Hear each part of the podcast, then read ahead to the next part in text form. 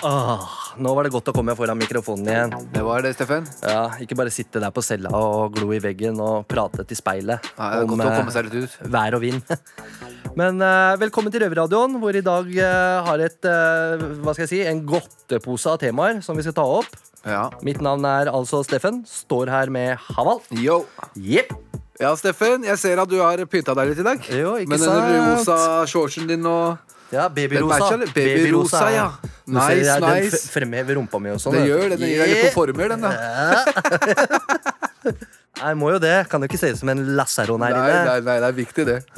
Men nok om den rosa shortsen min. Hva skjer i sendinga i dag? Vi skal i dag annet høre om eh, flere sider av hvordan man blir eh, radikalisert. det ja. Ja, interessant. Veldig, ja. Så vår røver eh, Nora intervjuer det Åsne Seierstad om boka hennes eh, To søstre, Ok. som handler om to norske jenter som reiste til Syria for å kjempe for IS. Ja. Veit du om noen flere bøker hun har skrevet, eller? Hva var den bøk, bøken het igjen, da? Boken om Kabul? Kabul? Ja, det er et eller annet eh, om Kabul, ja. Bokhandelen fra Kabul. Bokhandelen fra Kabul, ja, det var det det var. Riktig. Ja. Den begynner å bli litt gammel nå, men det var jo sånn hun blei kjent. Hun er kjent for flere bøker, hun, eller? Ja. Uh, vi skal også få et nært møte med Nora, som forteller om hvordan hun nesten blei radikalisert. Ja. Spennende. Ja, Og Nora er en, i redaksjonen vår i Bredtvet fengsel. Stemmer det, Haval. Så skal vi få besøk av statssekretær for justisministeren, Sveinung Rotvatn. Veit du hvilket parti han tilhører? Venstre. Stemmer. Yes. Så da skal vi få høre fra han om eh, hvordan det er å Hvilke rusmidler som den liberale politikeren ønsker å legalisere, og hva hans syn på kriminalomsorgen i Norge er. Ja. Så det blir jo interessant. Det blir interessant å høre på. Så da sier jeg egentlig bare sett dere godt til rette, spiss øra, og ikke gå noe sted, for nå er det røvertid! Yes!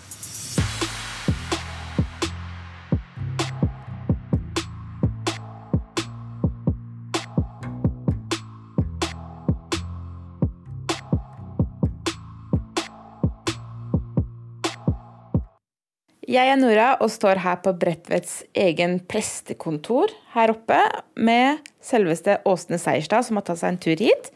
Velkommen, Åsne. Tusen takk. Er det første gang du er i fengsel? Det er første gang jeg er inne og møter innsatt i et fengsel Um, i Norge. Jeg har vært i mange fengsler i utlandet. Der har jeg eh, sett på forholdene. Men du har jo skrevet en bok som heter To søstre. Har du lyst til å fortelle litt om den? Ja, eh, der eh, snakker vi også om to jenter som har brutt norsk lov. Og dersom de kommer tilbake fra Syria, der de befinner seg nå, så vil de sannsynligvis ende opp her, eller i et annet fengsel, for en tid i hvert fall. Det er Ayan og Leila, som er to søstre. Eh, Norsk-somalisk eh, bakgrunn. Eh, som valgte en oktoberdag i 2013 å reise til Syria. Og det var et sjokk for foreldrene da det skjedde. Et sjokk for skolen, politiet. Ingen hadde skjønt noen ting. Fordi på den tiden, selv om det ikke er lenge siden, så hadde vi i skolen et sånt syn på innvandrerjenter som veldig undertrykt. Og det som man skulle se opp for, det var tvangsgifting og omskjæring, kjønnslemlestelse, den type ting. Ingen hadde på en måte fantasi til å tenke at eh, de eh, var sånne egen eller selvstendige drivere av egen skjebne som, som kunne komme til å reise til den islamske staten. Men eh, i arbeidet med boka og med foreldrene, som er opptatt av å liksom legge kortene på bordet og fortelle eh, hva som skjedde skritt for skritt. Eh, fordi jentene gjennomgikk jo en radikalisering som, med mange åpne tegn, men det var ingen som skjønte hva de tegnene var. Eh, jeg vet ikke akkurat om min bok kan avverge noen å reise, men det kan i hvert fall eh, være et sånt verktøy da, for, for de som jobber med ungdom eller familier. Og, eh, så, så det, er det som er utgangspunktet, er da hvorfor de dro, eh, hva som fikk dem til å gjøre det, og selvfølgelig også livet deres i Syria, hvor de fremdeles befinner seg. Ja, jeg syns fall den var helt fantastisk. Men eh, når du skrev denne boken her, ble du på en måte påvirket, eller eh, hva gjorde denne boken med deg til etterpå? Altså det som har kanskje påvirket meg med de to siste bøkene mine? Den, den forrige boken min, 'En av oss', handler jo om høyreekstrem radikalisering. Eh, som for så vidt ikke har så mye synlige tegn, fordi han Breivik sitter jo bare på rommet sitt. Han endrer jo ikke matvaner eller klesstil eller begynner å gå med skjegg. Eller, det er helt usynlig radikalisering. Det bare foregår på nettet. Eh, men like fullt er noe av de samme samme eh, fenomenene som foregår, og noe som samme bakgrunn. ikke sant? Hva handler dette om? Jo, det handler mye om tilhørighet. Å finne et sted hvor jeg hører til. ikke sant? Hvor, hvor, eh, det handler mye om identitet. Eh, å finne på en måte sin gjeng og sin flokk. Det som, Hvis jeg skal si hva som har gjort mest inntrykk på meg i begge de bøkene, er det med barndom. Er hvor utrolig viktig tidlig, tidlig, tidlig opplevelser er. Eh, I forhold til mange av de som har reist, er det ganske mange ødelagte skjebner, eller skal si, i hvert fall ødelagte barndommer eller, eller veldig skadede barndommer. Eh, og det skriver jo også PST i sine rapporter, at radikaliseringen fortsetter med uforminsket styrke så lenge vi ikke får gjort noe med årsakene. Eh, I fengsel så er det jo slik at uh, man blir sårbar, og man er ensom. Og man kan bli fort radikalisert for å liksom knytte søsterskap eller brorskap. Uh, og hvordan kan man ikke bli radikalisert? Ofte handler det om veldig små skritt. Som ikke nødvendigvis ender med at du drar til Syria eller begår terror i verste instans. Eh, så du, mange som radikaliseres, eh, lever jo bare veldig liksom, tilbaketrukket. Lever et liv i bønn. Eh, tilbaketrukket fra det norske samfunnet, kanskje i en nikab, eller på siden av samfunnet ditt. Det som vi har mye fokus på, er jo de vi er redd for. Og det er jo de som tilknytter seg terrororganisasjoner, som islamske staten. Men altså det at det er disse små skrittene dag for dag, og det kan ha ulike årsaker. Ehm, for noen er det en protest mot Vesten, at det er politisk. At eh, man ser på den muslimske verden som undertrykk, som eh, kolonialisert av Vesten, og som angrepet av Vesten. Og at man ønsker å liksom kjempe for det, eller kjempe mot Vesten, men gå i, i krig og i kamp for det. Eh, så er det en andre som, hvor, hvor radikaliseringen er mer religiøs. Altså at, at man man ønsker å leve i henhold til islam, og så går man kanskje inn i en mer ytterliggående retning av islam, hvor liksom for hver dag så er det nye krav om altså, Eller du, liksom sånn som disse jentene jeg skriver om, litt sånn konkurrerer litt sånn i dydighet. At hvor mange ganger var du Og du kan alltid du, Ok, du skal be fem ganger om dagen, men du kan, du kan godt be hundre ganger om dagen. Jo mer ganger, jo bedre.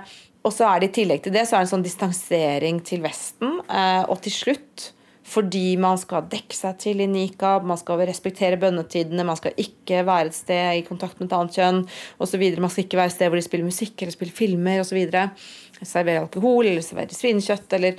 Så til slutt så blir det liksom ikke så mange steder i Norge du kan være. Så Norge blir som et fengsel på en måte da, bokstavelig talt, eller som en undertrykkende mekanisme, hvor da eh, liksom det å reise, forlate, dra til Syria, dra til kalfatet, blir en slags frigjøring. Men spørsmålet ditt var jo egentlig hvordan man kan unngå det. Eh, og da tenker jeg at det er utrolig viktig at vi i Norge skaper sterke fellesskap. Norge er egentlig ganske flink på det. Vi må ikke svartmale dette her. Eh, og jeg tenker at eh, integrering er jo viktig. Og jeg tenker noe av det billigste antiradikaliseringsarbeidet vi kunne ha, som også er godt integreringsarbeid, er f.eks. å ha gratis SFO eller gratis aktivitetsskole til alle barn. Jeg tenker altså, sant, Sånne ting som fotball, idrett, alt det der burde vært gratis. Altså, det, er, det er de som faller, Når vi ser på de som faller utenom, de som har reist til Syria, så er det de som også falt utenom da de var barn. Vi må ikke glemme det. Eh, at radikalisering, og dette sier også politi og PST, altså de i siste instans de kan stoppe folk fra å reise til Syria gjennom etterretning og gjennom å følge med. Men hvis du på en måte skal gå på årsakene, så handler det om å, å, å skape liksom, trygge oppvekstvilkår og, og, følge med på Fordi veldig mange av de har som ustabile barndommer. Var du ned, noen gang nede i Syria, eller sånn Ville du være med å lete etter jentene noen gang? Da hadde jeg nok ikke sittet her nå hvis jeg hadde dratt til Syria. Altså, det er jo en del av de eh, vestlige hjelpearbeiderne og journalistene som ble halshugd der nede. Noen av de hadde vært i Syria i 20 minutter. En hadde vært der en halvtime. Så det er så Akkurat de områdene eh, hvor vi ville gått inn, de er så overvåket, og der hadde du bare ikke vart lenge. Fordi som vestlig er du både altså ikke sant, Du er penger, selvfølgelig. Eh, og om ikke penger, så er du liksom et eh, propagandaverktøy. Eh, og det, det skjønte jeg at bare det den grensen der krysser du ikke. Ok, Åsne, jeg skal la deg gå. Eh, lykke til masse videre. Og jeg vil bare takke deg kjempemye for at du tok deg tid for å snakke med meg.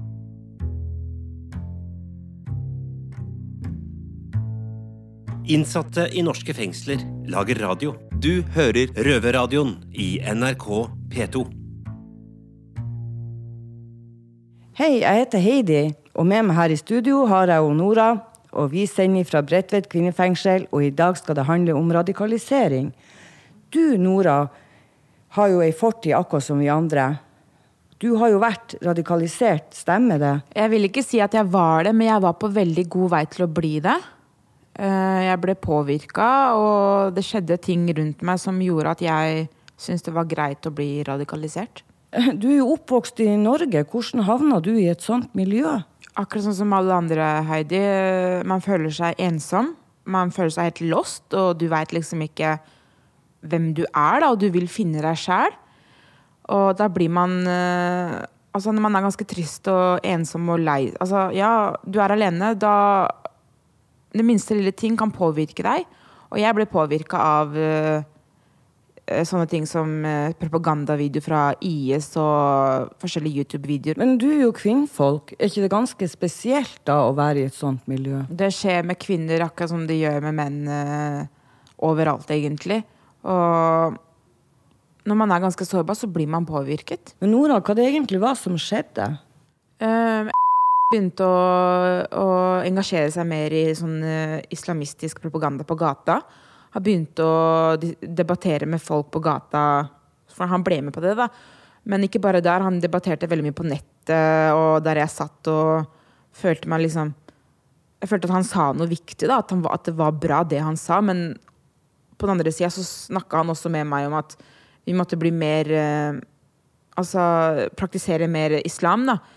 Eh, så vi begynte å se på propagandavideo på nettet hvor folk ble halshugd og IS-videoer og sånne ting. Og han sa til og med skal vi dra ned til Syria for å liksom bo der, hvor jeg kan krige og du kan bo sammen med alle kvinnene og med sønnen min òg, da. Men uh, da, da, måtte jeg bare sette ned foten. Jeg, det går ikke Eller, eller jeg etterlater ikke hele livet mitt her for å dra ned til Syria for å krige mot noen, liksom. Det er barnet mitt jeg snakker om, og meg sjæl. Jeg gidder jo ikke det. Så det var egentlig Norge og familien rundt deg som holdt deg igjen? Sønnen min. Det var han som var det første, liksom. Hvordan forandra livet ditt seg under den perioden? Eh, jeg begynte først å begynne med hijab. Jeg begynte å gå med det. Jeg begynte å gå med større klær som dekket kroppen min. Eh, jeg sluttet med sminke, og jeg begynte å be fem ganger om dagen. Det, det, der var egentlig for så vidt greit, men det å dekke seg helt, og han ville ha meg sånn i nikab og sånne ting, men det var ikke noe jeg kom Altså, jeg er opp, oppvokst her i Norge, jeg har bodd her i over 30 år, og det der bare føltes helt feil for min del.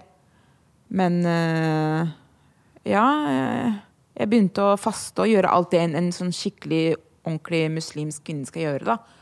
Men uh, ja, jeg begynte å se mer selv, da, alene på YouTube-videoer om IS og sånne ting.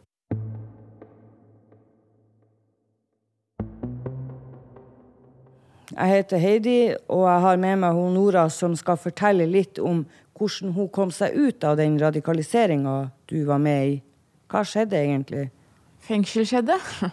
Jeg eh, kom til fengselet, og da Det første, jeg, første, som skjedde, var at jeg tok en prat med en prest her inne.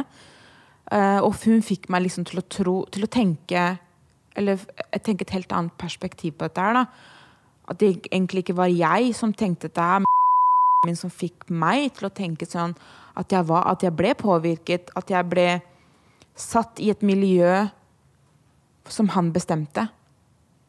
Om radikalisering, liksom. Og da Hun fikk meg på en måte til å skjønne at det ikke er greit. At du skal ikke tenke sånn. At du på en måte var hjernevaska? Ja, det var det hun faktisk sa. Og hun sa men Nora, det er ikke din feil, det er alt er hans skyld. Nora, hva det var som fikk deg til å gå til presten? Uh, jeg hadde Det var et punkt når jeg kom til fengselet, at jeg på en måte mista meg sjæl igjen. Og jeg mista religionen min. Jeg er fortsatt veldig glad i religionen min. Jeg er muslim, og jeg elsker religionen min, men eh, det var en del av meg som var veldig forvirra rundt det om jeg skal fortsatt skal gå med hijab her i fengsel, eller, eller sånn ellers etter fengsel òg. om jeg skal be, hvordan kan jeg gjøre det her inne? Og da ble jeg henvist til presten av en veldig sånn snill betjent som hjalp meg. For hun- hun- han så at jeg sleit veldig med religionen min. Og da var presten det beste valget her inne. Ja, for det er ikke noen eh, veiledere for muslimer. Ikke her inne, dessverre. Jeg har prøvd å få tak i en sånn veileder for, i to år nå, og det er dårlig med det. Ingen som vil stille opp, vet du. Men Nora, hva du syns du om det nå, da? Når du har kommet deg ut av det og ser tilbake på hvordan ting var, og hvordan ting er nå? Nei, nå tenker jeg at jeg var en øh, en helt annen person. Jeg, jeg, jeg kan egentlig ikke tro at jeg tenkte sånn før. Eh, nå ser jeg at det skjer så mye dritt rundt i verden med radikalisering og terror over hele verden. Ikke minst her i Oslo også. At folk som reiser ned til Syria for å krige og radikalisere, i fengsler også. Jeg, er redd for at det skal fortsatt skje. Men nå, nå, nå tenker jeg på det helt, på annet en, Det er en helt ny side av meg som tenker at alt det her var helt feil. Hvordan kunne jeg egentlig tenke slik før? Men som sagt, folk som er ensomme Det kan skje alle sammen, egentlig. Skremmende tanke. Jeg som kjenner deg, ville jo aldri ha trodd at du var så radikalisert. Så jeg er jo kjempeglad for at du har endra, men det er helt utrolig at du har hatt den holdninga når jeg ser og hører på deg i dag. Nei, Jeg vet takk, hvem du er. Men som sagt, det kan skje mannen i gata. Plutselig så sitter du ved siden av en terrorist, en terrorist i bussen rett ved siden av deg. liksom. Du aner jo aldri. Takk for at du delte historien din med Jo. oss. Innsatte i norske fengsler lager radio. Du hører Røverradioen i NRK P2. Ja, I krimverdenen så har vi jo løpegutter som tar seg av drittarbeidet for de som er på topp. Nå har vi løpegutten til justisministeren eh, her i studio. Statssekretær og venstrepolitiker Sveinung Rotvatn, velkommen til oss. Takk for det. Nå som du er i fengsel, eh, har du noen gang gjort noe ulovlig? eller? Eh, ja, jeg har jo det. Har du noe du vil dele? Eh, nei, egentlig ikke. Eh, Nei, men ikke har blitt eh, tatt for. jeg har vel ikke gjort noe som har vært så, så alvorlig at jeg har havna her, i alle fall. da. Det, det har jeg jo ikke. Men Kanskje vært eh, heldig? jeg har jo vært ung og uh, kjører bil, så vi får, vi får si det på den måten. Ikke sant? Hvordan burde AS Norge tenke fengsel om eh, du fikk bestemme? Nei, jeg tenker jo som så at um, Norge kan jo langt på vei være stolt av fengsla vi har, og kriminalomsorgen vi har. Eh, jeg tror at det er veldig få andre land som har eh, lignende resultater å vise til. Eller veldig få andre land som har bedre forhold, lavere tilbakefallsrater. Men jeg skal ikke stå og si at alt er perfekt, for det, det tror ikke jeg det er. Jeg vet om litt for mange historier om folk som blir dårlig behandla i fengsel. Eh, enten det er av medfanger eller det er av eh, andre. Eh, det er definitivt for mange historier om folk som blir isolert. Eh, og det er fortsatt for mange som faller tilbake til eh, kriminalitet når de kommer ut. Eh, Så jeg tror at vi har eh, masse vi må gjøre videre for å få en bedre kriminalomsorg. Men eh, vi skal nok også være stolt av at vi er der vi er. Eh, Hvis du sammenligner med land som f.eks. Storbritannia og USA, eh, så er det nok eh, langt bedre resultat her i Norge. altså. Hva tenker dere rundt eh, Dere bygger nye norske fengsler. Ja. Dere har ikke ansatte til å drive dem. Folk blir måte plassert inne i en celle 23 timer i døgnet. Lite programvirksomhet og sånne ting. Og tenker du at det skal bli naboene deres når dere kommer ut? Nei, Jeg tror jo at en blir bedre nabo enn kommer ut dersom en eh, blir mest mulig rehabilitert i et fengsel og har et godt utdanningstilbud, eh, et godt velferdstilbud, og også kan være sammen med andre. Så så er det selvfølgelig forskjell på fanger, og det er forskjell på sikkerhetsnivå og fengsel. Eh, det er riktig som du sier at vi bygger mye fengsel nå. Eh, For så skal det nye fengselet på Agder stå klart eh, innen 2020, er det vel. Eh, Det vil jo bidra betydelig. Eh, Og det har generelt blitt brukt veldig mye penger både på fornying og nybygg. Og det mener jeg har vært viktig i seg sjøl, for før så hadde du en veldig lang soningskø i Norge. Og det var jo ikke bra. ikke sant? Folk ble gående og vente og vente og vente på å få lov til å sone. Det var over 1000 folk som sto i kø. Nå er den køen borte. Eh, Men samtidig så tror jeg nok du har rett i at vi må ikke glemme innholdet. ikke sant? At det må være nok eh, tilsatte der eh, som kan være med å gi et godt tilbud. At du ikke bare har en plass å være, men at du også mm, har det, har det godt. Iallfall så godt som du kan og bør ha det i, i et fengsel. Men syns du det fungerer i dagens samfunn, eller i dagens fengsel? Etter, det, all- etter alt dere hører, både i nyhetene og kanskje også innsatte? Ja, jeg, jeg, altså jeg, jeg har inntrykk av at mye fungerer godt. Eh, Det, det, det mener jeg at det gjør. Um, men eh, jeg tror nok at på en del områder kan vi bli bedre. Uh, Ikke minst gjelder det hvordan måten vi behandler fanger som, uh, som har ulike alvorlige uh, lidelser, ikke sant? som er syke. Ting kan alltids gjøres bedre. Det kan de. Ja. Vi syns jo det er kjempegøy å ha deg i studiet, for du og Venstre er jo ganske gira på å legalisere drugs, eh, narkotika. Over halvparten av oss innsatte sitter jo her nettopp på grunn av eh, narkotika. Men eh, jeg lurer, gjelder det alt? Hva er greit, og hva er ikke greit? Men nå skal jeg liste opp noen rusmidler her, og så får du bare svare ja eller nei om det er greit. Ja. Så da kommer jeg med smørbrødlista mi her. Vi begynner på hasj. Altså Hvis jeg får lov, så vet jeg ikke om jeg vil svare at det er greit eller ikke. For, for jeg mener jo at eh, det er jo ikke lurt å ruse seg. Det, det er ikke lurt å verken drikke sprit eller røyke hasj. Nei. Eh, men jeg vil ikke forby folk å drikke alkohol for eksempel, likevel. Eh, så jeg får vel si det sånn at jeg, jeg tror ikke det er så lurt å røyke hasj, nei. Nei. Jeg bare fyrer nedover, så får du bare si ja, nei. Heroin, Nei, det vil jeg definitivt ikke ha prøvd, nei. LSD. Det er nok ikke så lurt å ta det heller. Nei, det kan gå gærent. Speed, altså amfetamin. Ja, Det er i hvert fall ikke lurt å drive med. MDMA. Nei, jeg ville nok ikke gjort det heller. Nei. GHB. Nei, heller ikke det. Crack.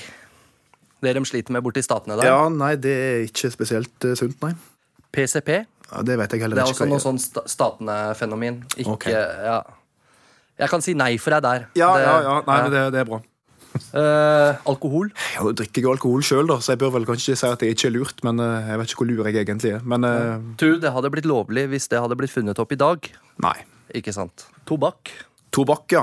Nei, stumprøyken. Stumprøyken, ja. Kokain. Nei, det vil jeg ikke ja.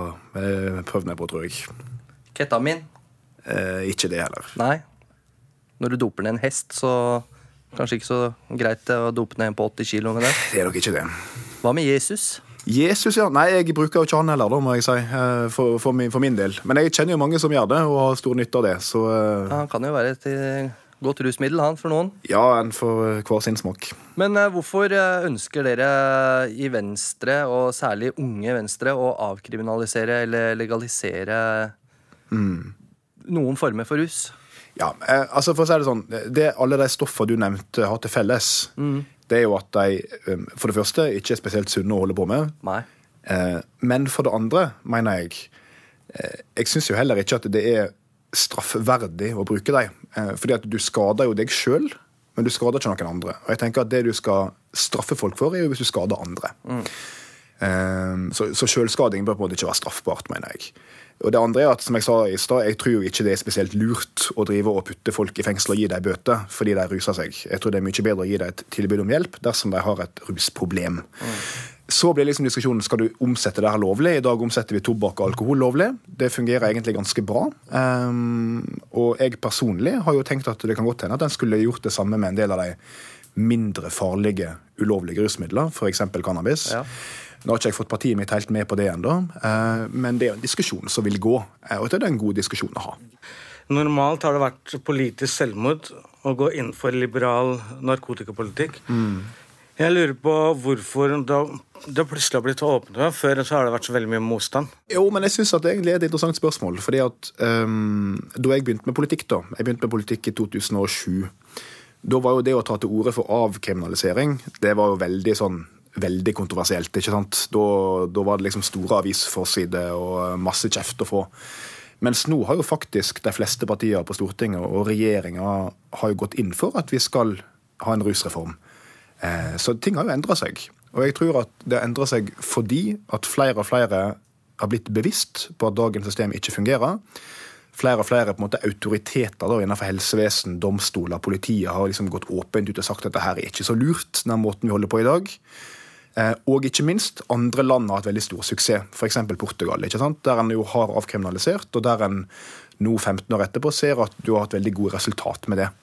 Så jeg tror rett og slett at uh, fakta har trengt inn i debatten mye mer enn de gjorde før. Og det, det er bra. Sånn, sånn, bør det være. Men uh, jeg tror det går mye på det. Ikke sant? Nå, ikke sant? Før så var det jo veldig sånn tabu å snakke om det her i politikken. Mm. Men nå har det jo begynt å komme en ny generasjon inn på Stortinget òg.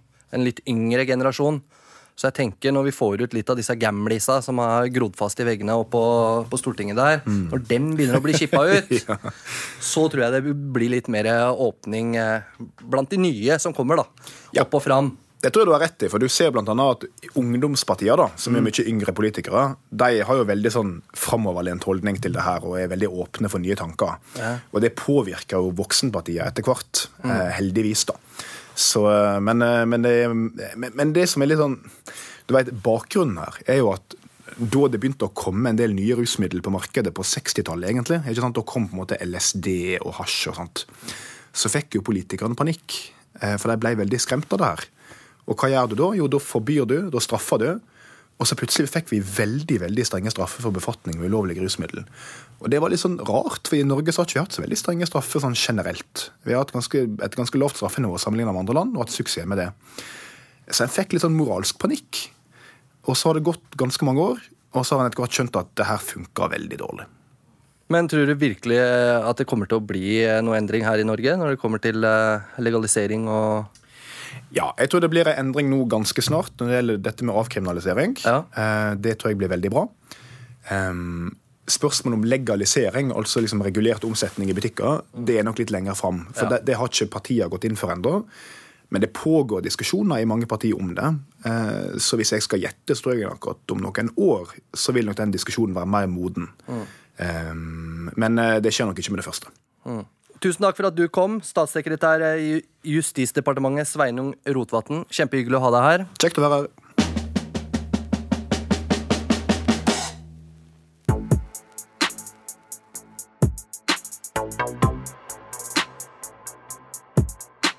Ja, Det var alt for denne gang. Nå skal vi tilbake på cellene våre og reflektere ja. over det vi har hørt i sendinga i dag. Haval. Ja, Vi må inn og sone litt til, tenker jeg. Ja, Vi hørte jo i dag om radikalisering og om folk eh, som drar til Syria. Hva syns du om det? Det var veldig spennende å høre på, faktisk. Ja, men Hva, hva tenker du rundt det, liksom? Det er veldig tragisk, syns jeg. da. Litt trist. Ja, det er jo det. Og ja. du som er kulder kurder òg, ikke sant. Dem er jo på en måte imot kuldere. Så... Ja, for kurderne er jo de som står i fronten. Riktig, de, kriger jo ja. som faen. Akkurat det. Og så ble statssekretæren Sveinung Rotevatn fra Venstre grilla av gutta i Oslo fengsel. Yeah! Ja, det var veldig bra. Han var kanskje ikke så liberal allikevel. Jeg tror ikke han, han venta på den der med brødgrilla. Nei, med tanke på de rusmidlene han ønska å legalisere, ja, så han var litt uh, ja, Hva skal jeg si? Tilbakeholden. Ja, jeg syns det òg. Kunne vært litt mer uh, Litt mer uh, Åpen. Om, om, åpent og litt mer om den ja. temaen der. Ja, Haval. Yo, Steffen. Hvor er det vi kan høre oss, da? På P2 hver lørdag halv to. Riktig. Og så på podkast, der du finner podkast. Riktig. Men hva er det du skal opp og gjøre nå? da? Jeg skal opp og lage litt taco, tenker jeg på en lørdag. Ja. Faen, det er taco er på fredag. Jeg klarer ikke å vente til fredagen, vet du. Ja, fredagstaco. ja, jeg skal rett og slett bare opp og se deilig ut i denne rosa shortsen min. Jeg. Ja, du, Så, du ser helt sexy noe, ut, Steffen. Gutta har noe å snakke om. Ja. Men, men. Takk for i dag. Takk for i dag. Hei da. Hei da. Røverradioen er laga for og av innsatte i norske fengsler. Tilrettelagt for streitinger av Rubicon for NRK.